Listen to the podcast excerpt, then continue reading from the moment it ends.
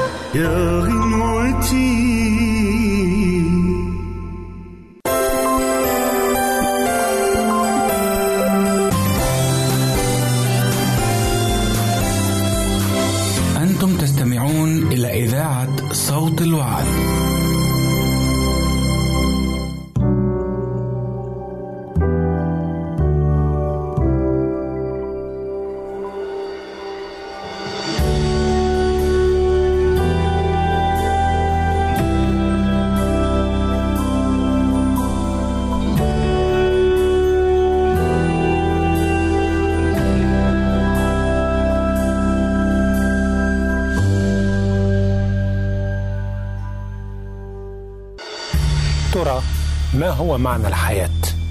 ما هي رسالة الحياة؟ كيف تتوصل المرأة إلى معنى الحياة وإلى رسالتها الجديدة في الحياة؟ كيف تصل المرأة إلى ذلك المعنى وتلك الرسالة؟ المرأة التي فقدت كل إحساس بالقيمة في ذاتها وفي الحياة وانعدم لديها كل احترام للرجال. هل لابد لعلاقات المرأة مع الرجال أن تكون علاقات جسدية دائما؟ أم أن هناك علاقات من نوع آخر بين الرجال وبين المرأة؟ حتى وإن كانت هذه المرأة سيئة السمعة مستبيحة أو حتى ساقطة. كيف تتحول المرأة الساقطة من أحضان الرجال إلى حضن من نوع آخر؟ حضن حنون يحترمها ويعطيها قيمة جديدة لذاتها ومعنى جديدا لحياتها ورسالة جميلة تعيشها. هل يمكن أن يكون ذلك هو حضن رجل عادي أم حضن الأب السماوي؟ كفيل بإحداث هذا التغيير الجذري في حياة المرأة عموما والساقطة خصوصا.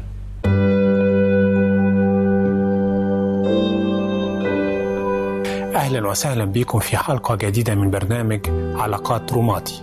العثور على معنى الحياة. هذا هي موضوع أو هذا هو موضوع حلقتنا اليوم.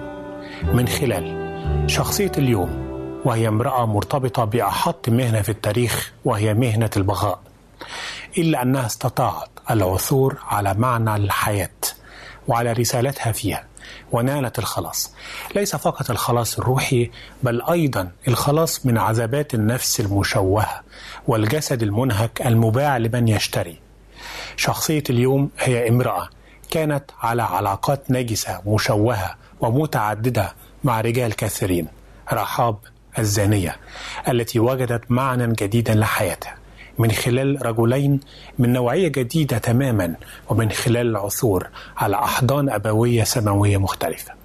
والسؤال كيف تناول الفن قصة رحاب وعلاقتها بالرجلين الغريبين؟ صار هذا الاسم رحاب مصدر إلهام لأعمال أدبية وفنية على مر التاريخ. سواء بالاسم نفسه للروايات الأدبية أو حتى اللوحات الفنية العالمية. مثلا لوحة الفنانة المعاصرة إليزابيث يونغ بتعكس هذه اللوحة انتظار الأمل والخلاص والحياة الجديدة ذات المعنى لدى رحاب من خلال انتظار قدوم الرجلين ومعهم جيش شعب الرب. فالنافذة المفتوحة في اللوحة هي نافذة أمل ومستقبل جديد. ينتظر رحاب ومعها كل من هي مثل رحاب. الشاعر العظيم دانتي أورد رحاب في كتابه الخالد الكوميديا الإلهية باعتبارها امرأة ذات روح عالية الخلق. scarlet cord أو حبل القرمز أو الحبل القرمزي الشهير أصبح لارتباطه برحاب الزانية أصبح مصدر إلهام لأهم المؤسسات المسيحية الاجتماعية الدولية التي تسعى لمحاربة مهنة البغاء وتجارة النساء بالإضافة طبعا إلى افتقاد البغايا حول العالم.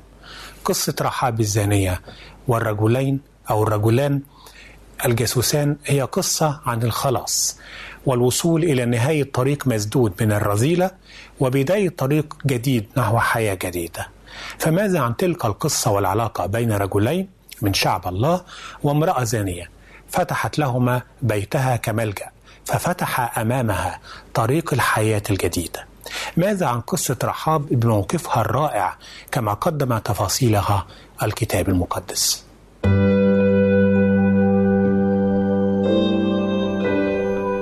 رحاب من حب الرجال إلى حب الله.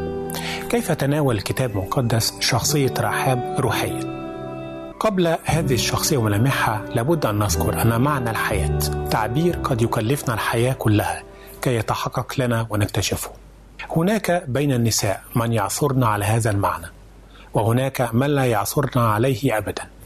هناك من تظن أنها وجدته في المال أو الجمال أو الاستهلاك أو الجاه. وهناك من تظن أنها تستطيع تذوق معنى الحياة من خلال إعجاب الرجال الكثيرين بها. بل هناك أيضا من تبحث عنه كثيرا وطويلا في أحضان الرجال.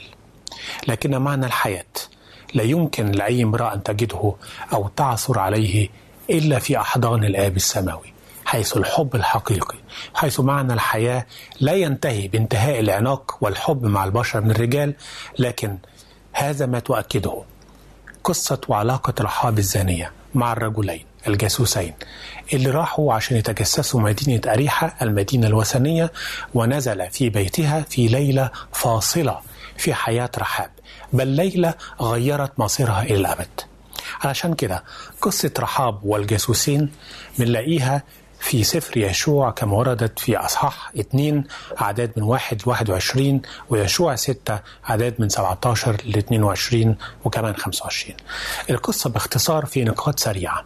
على الجانب الآخر من نهر الأردن كانت مدينة أريحة التي يحيط بها حائط وأسوار عملاقة وكان على شعب الله أن يقتحمها ليفرزوا أو ليفوزوا بها ويمكنهم ضم باقي الأرض. لذلك أرسل القائد يشوع جاسوسين لاستطلاع مدينة أريحة سرا. وصل المدينة تسللا ودخل بيت امرأة عاهرة اسمها رحاب فخبأتهما في بيتها حتى لا يؤذيهما فيما بعد. ولكن ملك أريحة سمع الخبر فأرسل رجاله من أجل القبض على الرجلين لكن رحاب أخفتهما تحت عيدان الكتان فوق سطح بيتها. وبالفعل اتفق الرجلان مع رحاب أن يبقوا على حياتها فتنجو هي وأسرتها. فقط عند الغزو تضع أو تدلي الحبل أو الخيط القرمزي من شباك من الشباك علامة على بيتها ووجودها هي وأسرتها كي لا يصابوا.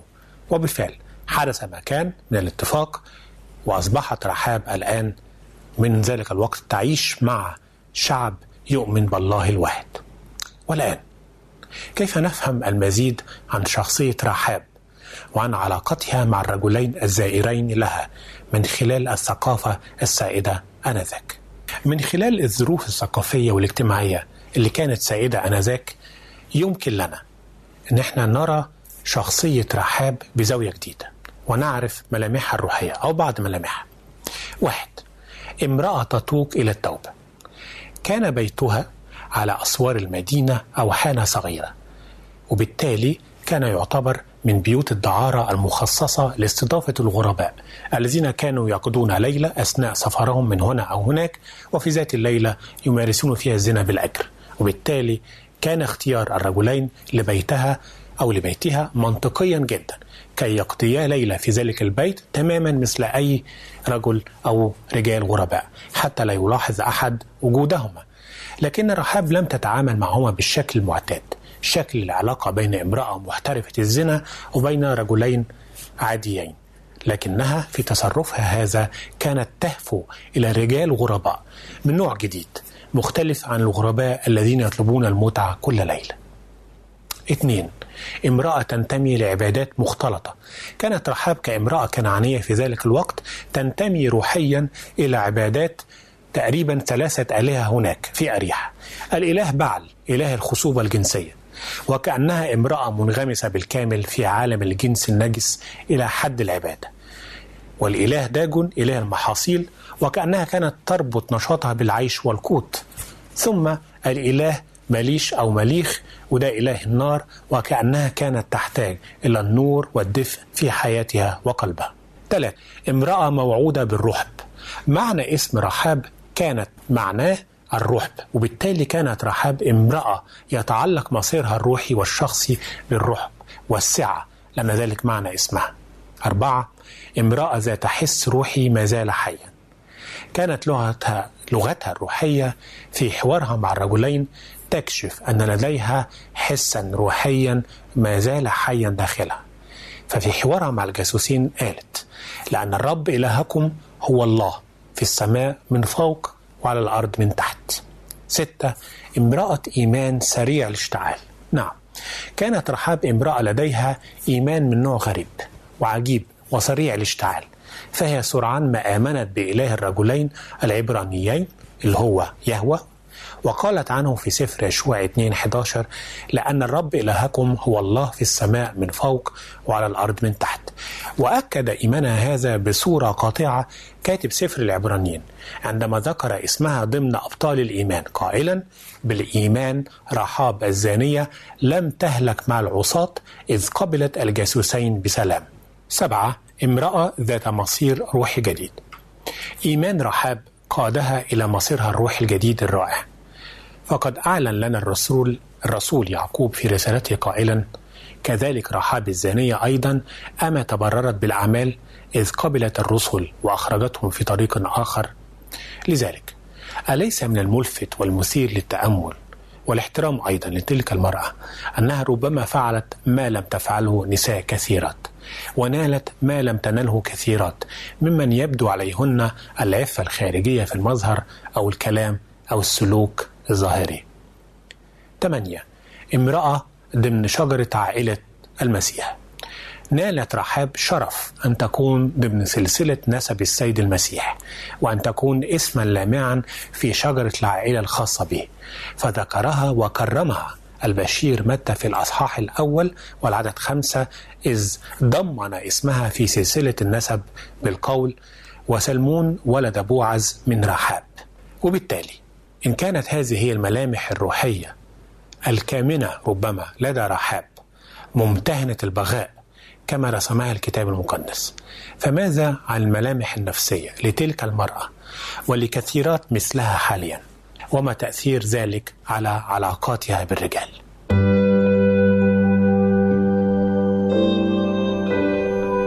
سؤال مهم كيف نتعرف على شخصية رحاب وكل رحاب في يومنا الحاضر؟ من علم نفس الشخصية من نفس الملامح الروحية الكتابية لهذه المرأة ومن نفس الدراسات النفسية التي أقيمت على شخصية المرأة البغية نستطيع أن نستنبط أو نكتشف بعض الملامح النفسية له.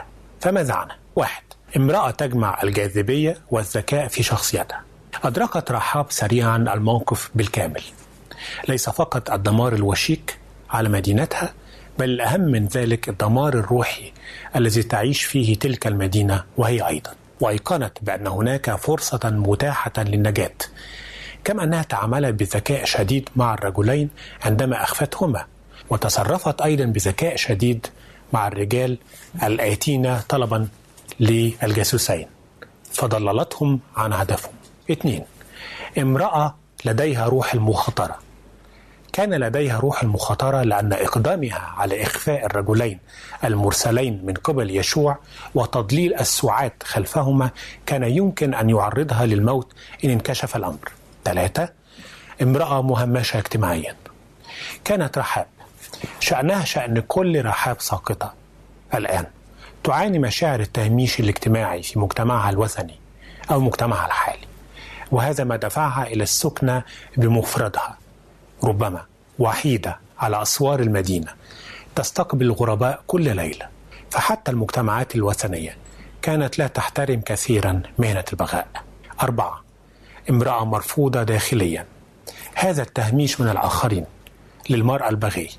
يؤدي حتما إلى نوع من الإحساس بالرفض العميق داخلها لنفسها وداخل كل رحاب في يومنا هذا. فلا شك بأن رحاب أو رحاب كامرأة. كانت تشعر بالرفض من الآخرين بالإضافة إلى الشعور بالاحتقار من قبل الرجال مع أنهم يطلبون إقامة علاقات جسدية معها وبالتالي تشوهت العلاقات بينها وبين الرجال. فالأنوثة لديها مباعة والرجولة لديهم تشترى منها بالمال ولعلها كانت تنتظر في كل ليلة غريبا واحدا يكون رجلا حقيقيا مختلفا عن الآخرين. يستطيع أن ينتشلها من بيع الجسد والنفس أيضا. خمسة امرأة تفتقد روح العائلة. كانت رحاب في علاقة غير مستقرة مع أهلها. ربما كانت تشعر بالحنين إليهم المشوب بالشعور بالذنب. فهي تعيش منفصلة عنهم في منزل بمفردها على أسوار المدينة. ويبدو بأن هذا الحنين الغريب والأصيل دفع رحاب لأن تطلب من الرجلين الغريبين ليس فقط خلاصها الشخصي من الهجوم بل أيضا خلاص ونجاة أسرتها وأهلها. فقالت لهما الآن احلفا لي بالرب واعطياني علامة أمانة لأني قد عملت معكما معروفا بأن تعملا أنتما أيضا مع بيت أبي معروفا وتستحييا أبي وأمي وإخوتي وأخواتي وكل ما لهم وتخلصا أنفسنا من الموت. ولعل هذا هو ما يعكس ذلك الحنين العميق داخل كل امرأة ساقطة في أيامنا هذه تجاه أبويها وأسرتها الصغيرة رغم الانفصال النفسي عنهم والاجتماعي والجغرافي ورغم الجفاء وربما الرفض منهم بالتأكيد الرفض منهم لها. وبالرغم من تشوه العلاقة منذ الصغر معهم وبينهم كما يخبرنا التحليل النفسي لشخصية المرأة البغي فنتائج دراسات أيضا على البغاء. تكشف أن النساء البغايا كانت لهن حياة عائلية مضطربة في طفولتهن متسمة بسوء المعاملة ومشحونة بالكراهية وفقدان التجانس بين أفرادها. ونحن ماذا يمكن أن نتعلم من هذه العلاقة الفريدة التي نشأت في يوم وليلة بين ساقطة ورجلين من شعب الله كي تغير نظرتنا وعلاقتنا مع نساء ساقطات قد تجمعنا الحياة معهم أو معهن دون قصد. وما هو الموقف الجديد الذي يمكن أن تتخذه أية امرأة ساقطة لينهي ماضيها الأليم والأثيم ولتتمكن من أن تبدأ حياة جديدة لها معنى حقيقي.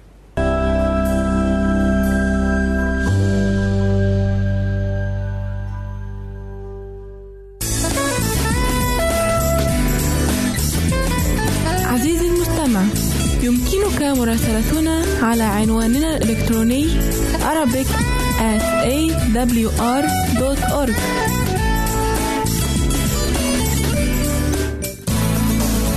يمكنك مشاهدة هذا البرنامج على قناة الوعد أو على ال website www.l-wad.tv www.al-waad.tv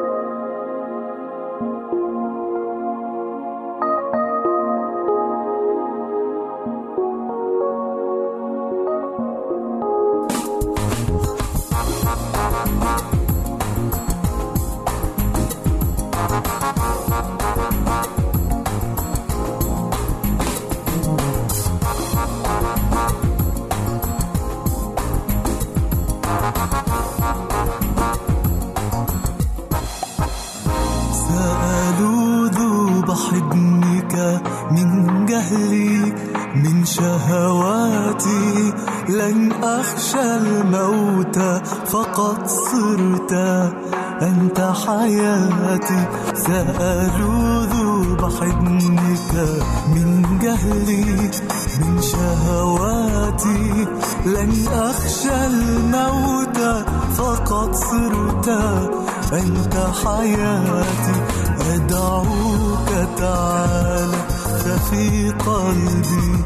شوق غامر وبقربك يولد في عمري. آخر أدعوك تعال ففي قلبي شوق غامر وبقربك يولد في عمري عمري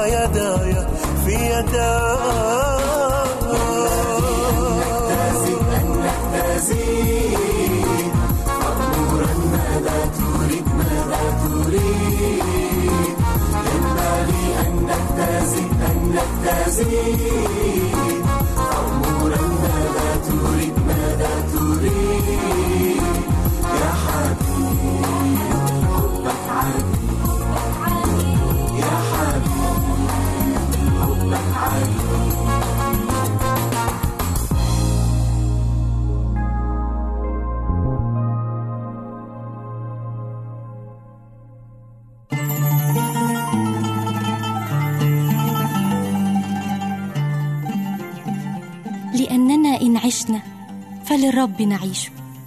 مثمرين في كل عمل صالح. ونامين في معرفة الله. وإن متنا فللرب نموت. فإن عشنا وإن متنا فللرب نحن. علمني أن أعمل رضاك لأنك أنت إلهي. أن أفعل مشيئتك يا إلهي سررت طعامي أن أعمل مشيئتك وأتمم عملك. طرقك يا رب عرفني سبلك علمني روحك الصالح يهديني.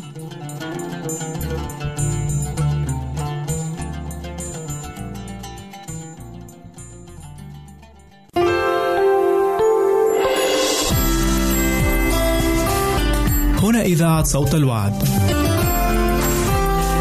لكي يكون الوعد من نصيبك. عزيزي المستمع يمكنك مراسلتنا على البريد الإلكتروني التالي Arabic at awr.org العنوان مرة أخرى Arabic at awr.org ونحن في انتظار رسائلك واقتراحاتك. نحب أن نسمع منك. راسلنا على البريد الإلكتروني Arabic at awr.org نحن ننتظر رسائلكم واستفساراتكم.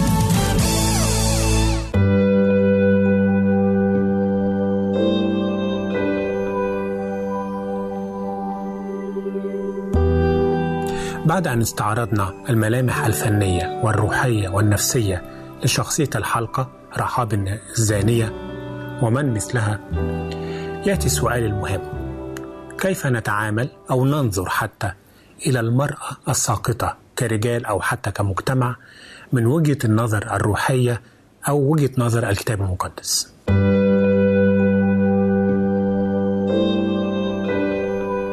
واحد التفرقة. التفرقة بين الخطيئة والخاطئة.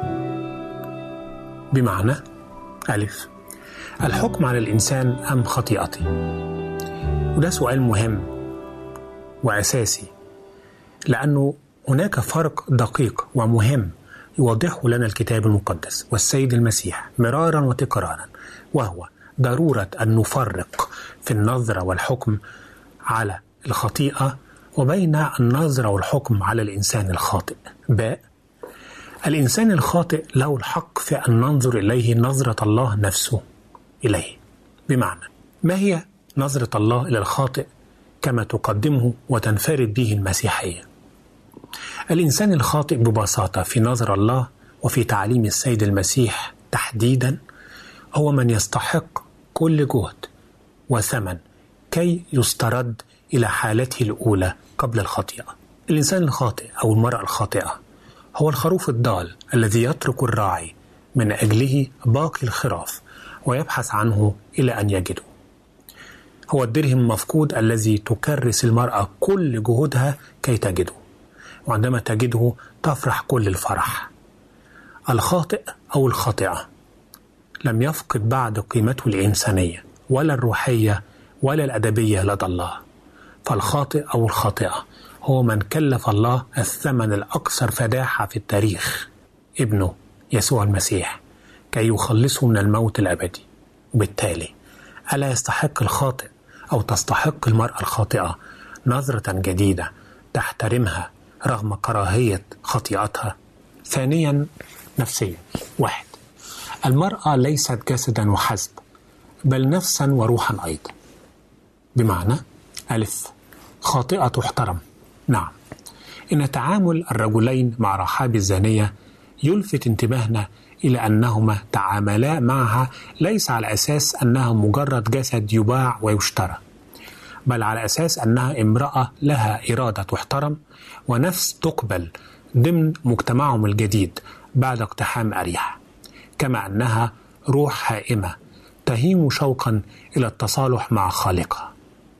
باء الخاطئة لها تقديرها. نعم. لذلك صدقاها وعقد معها الاتفاق بناء على القسم الذي تم بينهم.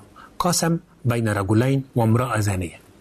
وهو قسم يخص مصير شعب الله من ناحية ومصير أريحة من ناحية أخرى أي مصير شعبين.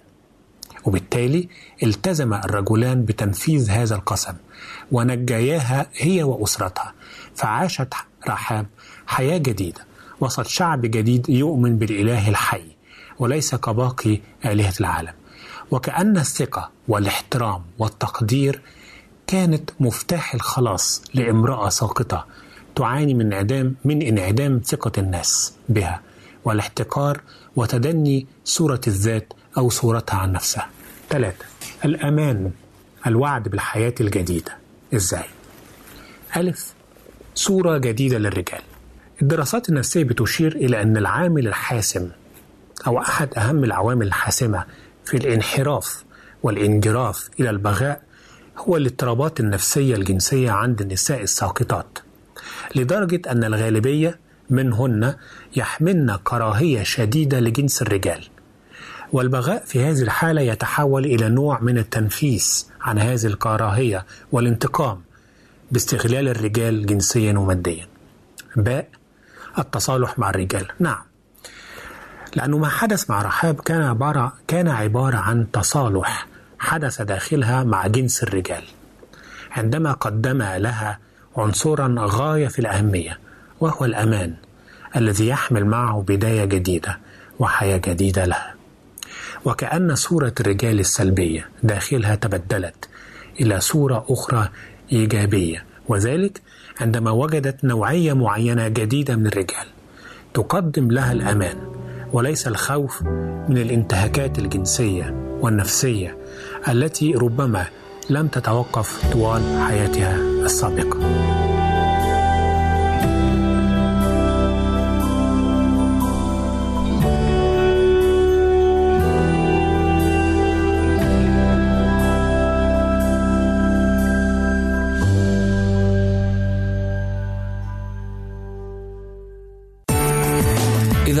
دراسة الكتاب المقدس يمكنك الكتابة إلينا على عنواننا وستحصل على هدية قيمة بعد انتهائك من الدراسة.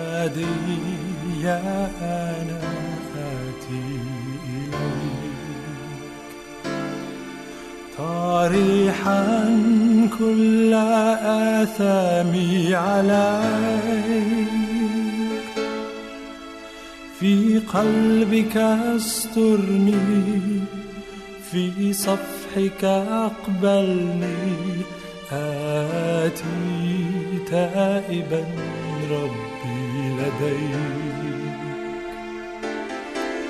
يا فادي يا أنا آتي إليك. طارحا كل آثامي عليك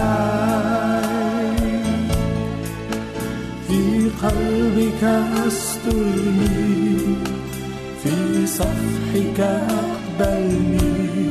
آتي تائبا ربي لديك فبجلدتك أنا شفيت. وبصلبك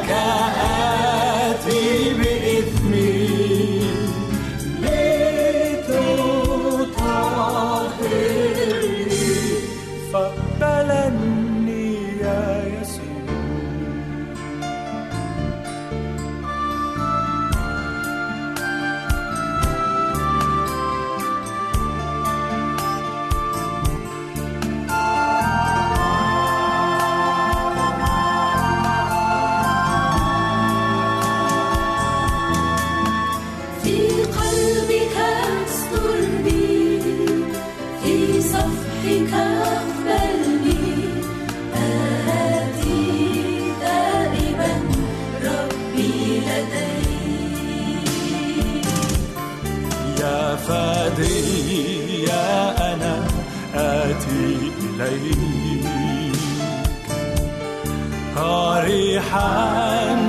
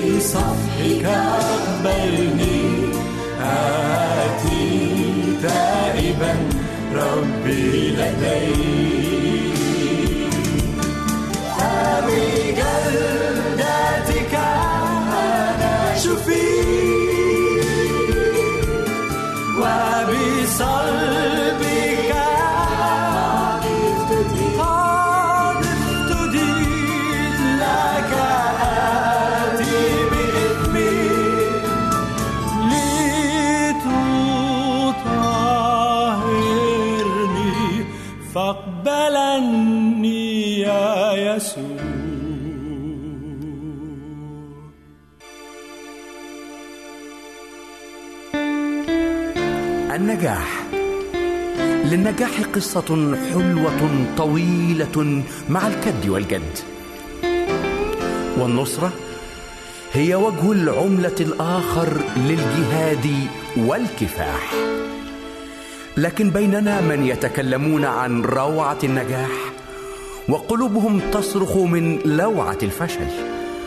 البعض منهمك يعزف لحن هزيمته في معركة نصرة المسيح العظيمة وينشد قرار انكساره في قلب ترنيمة الرب الرائعة. وغيرهم يتوهمون المعارك فيتخيلون البطولة. والكثيرون ينتصرون نادرا ويندحرون كثيرا.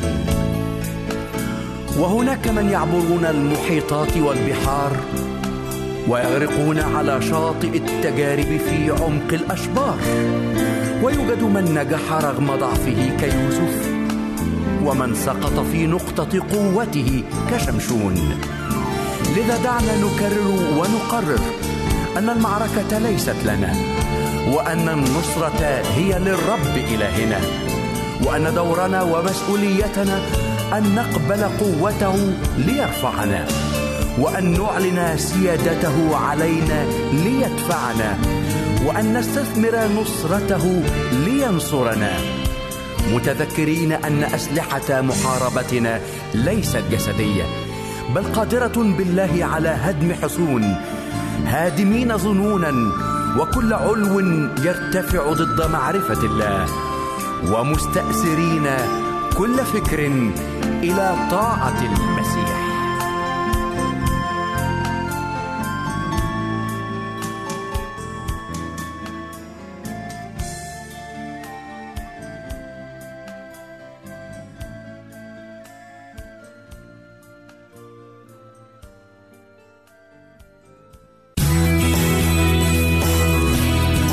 استماع وتحميل برامجنا من موقعنا على الإنترنت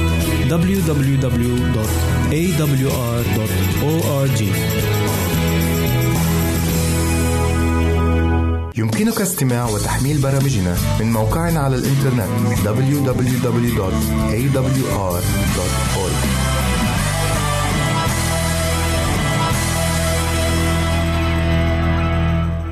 أهلا وسهلا بكم أحبائي المستمعين والمستمعات في حلقة جديدة من برنامجكم أمثال الحكيم.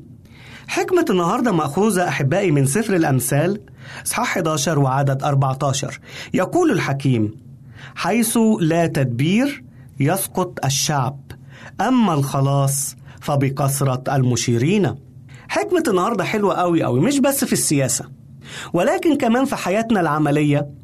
وفي حياتنا وعلاقتنا بيننا وبين بعضنا. سليمان الحكيم بيتكلم النهاردة عن أهمية المشورة. هل إحنا بنحتاج للمشورة من الآخرين؟ هل بنحتاج للرأي؟ ولا كل واحد بيمشي بعقله وبدماغه؟ عندنا مثل بيقول لما ربنا وزع الأرزاق محدش عجبه رزقه. لكن لما وزع العقول كل واحد عجبه عقله. وللأسف المثل ده صحيح. صحيح. لأن مفيش أولا حد بيكتفي بيكتفي باللي عنده. وأيضا كل واحد مقتنع إنه هو صح. كل واحد بيقتنع إنه عقله أحسن عقل وإنه بيفكر أحسن من الآخرين. بس سليمان بيحط لنا النهاردة آه، لا نقطة تانية لازم نفكر فيها. إيه هي؟ المشورة. إزاي إحنا محتاجين للمشورة؟ بيبتدي سليمان يتكلم عن التناقض بين الإنسان اللي بيطلب المشورة والإنسان اللي بيرفض المشورة. بيقول حيث لا تدبير يسقط الشعب. وهنا يبدو أن الحكاية سياسية شوية. سليمان كملك يعلم إيه هي حدود ال- الحكم. عايز يقول نصيحة لكل ملك أو كل قائد موجود في مكان معين. بيقول له لازم يبقى لك مشيرين. ليه؟ لأن لو ما فيش مشورة صالحة هكون النتيجة أن الشعب كله هيسقط. وده اللي حصل. وللأسف تعرفوا حصل مع مين؟ مع ابن سليمان نفسه. يا ريت كان ابن سليمان اللي اسمه رحبعام كان سمع للنصيحة دي. بعد موت سليمان الحكيم رحبعام كان هو الملك. والمفروض إن هو يكون عنده مملكة قوية جدا اقتصاديا غنية جدا جدا سياسيا حدودها آمنة وكمان عنده جيش عظيم وكانت مملكة موحدة. قوية قوية. سليمان ساب له مملكة فعلا مملكة يفتخر بها. رحبعام ابتدى يسمع وابتدى يسأل طب أعمل إزاي؟ أحكم الناس إزاي؟ جاب الناس الشيوخ الكبار في السن الحكماء العقلاء وقال لهم أعمل إيه؟ أحكم الشعب إزاي؟ أنا لسه صغير في السن. ادوني المشوره بتاعتكم. قالوا له بص يا رحبعام عايز تنجح مع الشعب دوا عايز تنجح مع شعبك خفف النير شوية خفف الأحمال. أبوك سليمان كان وضع أحمال تقيلة على الشعب أنت خففها. خليك ليهم خادم. قول لهم الكلمة الطيبة. ولو قلت لهم الكلمة الحلوة اللينة وخدمتهم بأمانة هتكسبهم وتربحهم وهم نفسهم يكونوا ليك عبيد. قال لهم طب سيبوني كده كام يوم وبعد كده أرد عليكم. راح جمع مين بعد كده؟ جمع الشباب اللي في سنه. الشباب الأحداث اللي في سنه. وأنتوا قولوا لي رأيكم إيه؟ قالوا له إيه اللي اتقالك ده؟ ده أنت الملك. في حد يعمل اللي ده الناس هتستهين بيك. قول لهم لا ده أنا صباعي الصغير أتخن من رجل أبويا. ما ينفعش الكلام ده. أبويا كان بيأدبكم وبيضربكم بالجلدة والسياط. فبعد ثلاثة أيام راح بعام للأسف سمع كلام مين؟ ما سمعش المشورة الصالحة. ما سمعش رأي الكبار رأي الشرو- الشيوخ ولكن سمع رأي الأحداث. ولما جم أهل إسرائيل هيا جلالة الملك هتعمل إيه معانا؟ قال لهم لا اسمعوا بقى. ده أنتوا لو كنتوا بتشتكوا من حكم أبويا ده أنا أصعب وأصعب. أبويا كان بيضربكم بالسياط بالجلدة لكن ده أنا هضربكم بالعقارب. يعني إيه ده؟ قالوا له طب وأنت إيه لازمنا في إيه؟ مش عايزينك تبقى ملك علينا. ومن وقتها انقسمت المملكة. عشر أسباط بقوا مملكة إسرائيل وسبطين بقوا مملكة يهوذا وانقسمت المملكة بسبب المشورة الفاسدة اللي راح بعام سمعها من الأحداث حيث لا تدبير يسقط الشعب. ليه الكتاب بيقول لنا دايما إن إحنا محتاجين؟ محتاجين إن إحنا نسأل الآخرين. محتاجين ناخد المشورة ناخد العلم. ليه؟ أول حاجة إحنا محتاجين للآخرين. لا يوجد إنسان يعلم كل شيء عن كل الأشياء. كل إنسان ليه وجهة نظر محددة. كل إنسان ليه هدف معين. كل إنسان بينظر للأمور بنظرة مختلفة عن الآخرين. وعشان كده حتى في السياسة بنلاقي إن مهما كان آه، رئيس الجمهورية مهما كان الملك مهما كان الوزير مهما كان الناس القادة دول حكماء لكن لازم يعينوا مستشارين. إيه فايدة المستشار بالنسبة للملك بالنسبة لرئيس الجمهورية؟ الفايدة إن هو يديله النصيحة في المجال بتاعه. فلو مثلا آه، رئيس الجمهورية قدامه مشكلة مثلا علمية. يسأل المستشار العلمي أعمل إيه في الموضوع ده؟ المستشار يقول له اعمل كذا كذا يا سيادة الرئيس. لو مثلا المشكلة سياسية يسأل المستشار السياسي. لو المسؤولية قانونية أو المشكلة قانونية يسأل المستشار القانوني. وهلم جرى أحبائي؟ إذا كل إنسان في موقع قيادة هو محتاج أيضا المشورة لأن مفيش إنسان يعلم كل شيء عن كل الأشياء حتى في حياتنا الشخصية. إحنا كمان محتاجين المشورة. ليه؟ لأن إحنا مش بنعرف كل شيء. محتاج نظرة الأكبر مني سن نظرة اللي يعرف عني المختبر عني. عايز رأي الناس اللي عندهم ومروا بالتجارب دي الاختبارات وأنا لسه ما مرتش بيها. أنا محتاج إنسان يساعدني إنه يقول لي الرأي الصح في المشكلة اللي أنا فيها. من السهل جدا إن إحنا ننصح الآخرين لكن من الصعب قوي قوي إن إحنا ندي النصيحة لأنفسنا. لأن إحنا لما بنكون في المشكلة. إحنا نفسنا بنبقى مضطربين. مضطربين عاطفيا مضطربين نفسيا مضطربين فكريا. مش عارفين نمشي في أي طريق. خصوصا لما بيبقى الطريق متشعب قدامنا. عايزين حد يساعدنا. فالإنسان اللي بيعتمد على تفكيره بيضل. الإنسان اللي بيعتمد على فكره بس من غير ما يسمع آراء الآخرين غالبا ما بيوصل للفشل. عشان كده سليمان بيقول حيث لا تدبير يسقط الشعب. لازم يكون في تدبير لازم يكون في مشورة. في مثل حلو عندنا قوي بحبه جدا يقول لك اللي ملوش كبير يشتروا له كبير. المثل ده قديم وحلو الناس الكبار علموه لنا. بس فعلا المثل ده ليه ليه معنى جميل. المعنى إنك ما تبقاش كبير نفسك. ما تتكبرش على نصيحة الآخرين. ما تقولش إن أنت عارف كل حاجة. ما تتكسفش وتتحرج إن أنت تروح تسأل حد عن شيء أنت محتاجه. ده مش هيقلل من قيمتك. ده مش هيحطك في مكانة إن أنت مش عارف أو تجهل أو إنسان تحتاج للآخرين. لا لا لا لا. بالعكس إحنا كلنا محتاجين لبعض. زي ما أنت بتحتاج للناس الناس بتحتاجك. هنا بنلاقي التكامل بيننا وبين بعض. عشان كده القائد الناجح سواء كان في الدولة في السياسة سواء كان في الكنيسة سواء كان حتى في بيته لازم يعمل حاجة لازم يسمع للآراء لازم يسمع لكل النصايح اللي بتتقال له وبعد ما يسمع يحلل اللي بيسمعه. يعني إيه حلل اللي بيسمعه؟ مش كل كلمة هتناسبنا. ومش كل نصيحة هتوافقنا ومش كل الرأي هيكون صح. فلازم نقعد مع بعض كده ونقعد كده اللي يقعد الإنسان مع نفسه يحلل كل الآراء اللي اتقالت له ويشوف إنهي الصح إنهي الغلط إنهي اللي تناسب إنهي اللي ما تناسبش إنهي اللي أقدر أعملها إيه اللي ما أقدرش أعمله. وبعد ما أسمع وأحلل أقرر فيما بعد. لكن مشكلة ناس كتيرة قوي إن هما بيعملوا إيه؟ بيقرروا قبل ما بيسمعوا النصيحة بيقرروا قبل ما يسألوا بيقرروا قبل ما يجمعوا المعلومات المفيدة فبتكون النتيجة إن القرار بيطلع خطأ. عشان كده سليمان بيقول أما الخلاص فبكثرة المستشيرين. رحبعام فشل وقسم المملكة بسبب إنه خد مشورة خطأ. لكن تعالوا نشوف بقى واحد تاني كان قائد برضه. القائد ده كان حكيم جدا جدا. بس كان عنده برص نعمان السرياني. لما راح لإليشع عشان يطلب منه المساعدة إليشع قال له طب أنت عايز تشفى من مرض البرص؟ سهل قوي روح نهر الأردن انزل فيه سبع مرات. طلع نعمان متضايق ومتغاظ ليه؟ ليه نهر الأردن؟ ما أنا عندي أنهار أحسن في دمشق أنا هعمل به إيه نهر الأردن؟ وهو غضبان وراجع ومصمم ينتقم من كل مملكة إسرائيل. سمع نصيحة حلوة قوي. الناس اللي معاه كانوا ناس كده حلوين وبيحبوا نعمان. قالوا له يا أبانا شوف الاحترام بقى. يا أبانا طب أنت دلوقتي لو قال لك حاجة أصعب من كده مش كنت عملتها؟ ده قال لك ننزل في مية سبع مرات وأدي نهر الأردن جنبينا. هتخسر إيه لو جربت؟ مش يمكن يكون كلامه صح. وهنا بنلاقي بقى القائد العظيم المحترم القائد اللي عقله شغال نعمان السرياني ما يرفضش النصيحة دي. يرفضها ليه؟ إذا كانت نصيحة حكيمة نزل فعلا. وكانت النتيجة إيه؟ يا من مرضه. وعرف الله الحي ونال البركة. كل ده يرجع سبب من أسبابه إن هو قبل نصيحة الناس اللي كانوا معاه. كانت النتيجة شفاء جسدي والأهم شفاء روحي. أما الخلاص فبكثرة المشيرين. النهاردة سليمان الحكيم علمنا إن سفينة الحياة محتاجة المشاركة.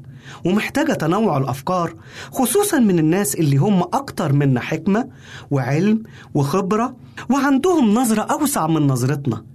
يا ترى في إنسان أنت بتثق فيه؟ يكون ليك مرشد ناصح وأمين؟ ممكن النهارده تصلي لأجل هذا الإنسان اللي هو بيديك هذه النصيحة. صلي إن ربنا يديله حكمة في نصيحته. صلي للناس اللي هم بيدوا نصيحة للقادة للمشيرين. صلي للناس اللي بيتعاملوا مع الآخرين. وقول له يا رب اديهم حكمة اديهم علم واديني أنا كمان حكمة عشان لو حد سألني أديله الحكمة اللي تمجد اسمك. آمين. عزيزي المستمع يمكنك مراسلتنا على عنواننا الإلكتروني Arabic at awr.org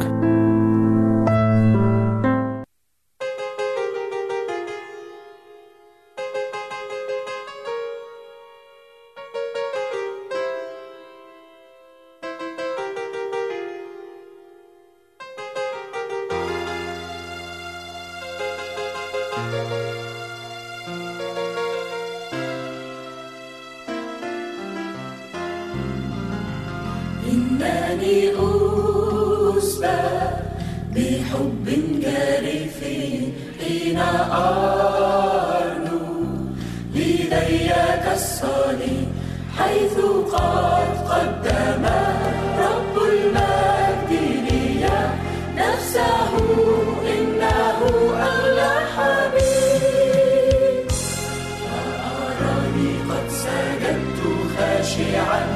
شاكرا من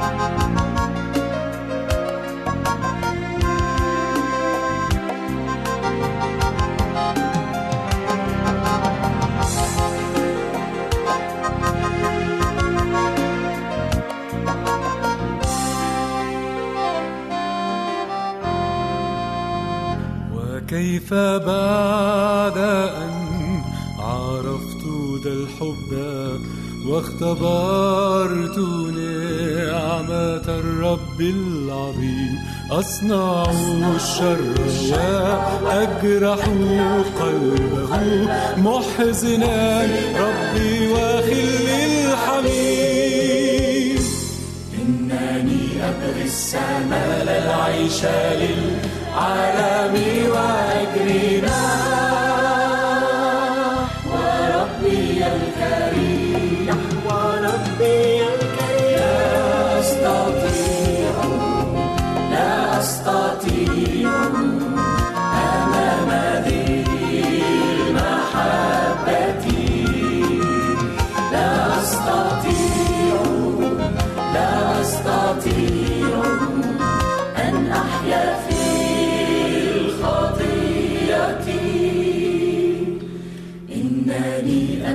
لا العيش للعالم وأجرنا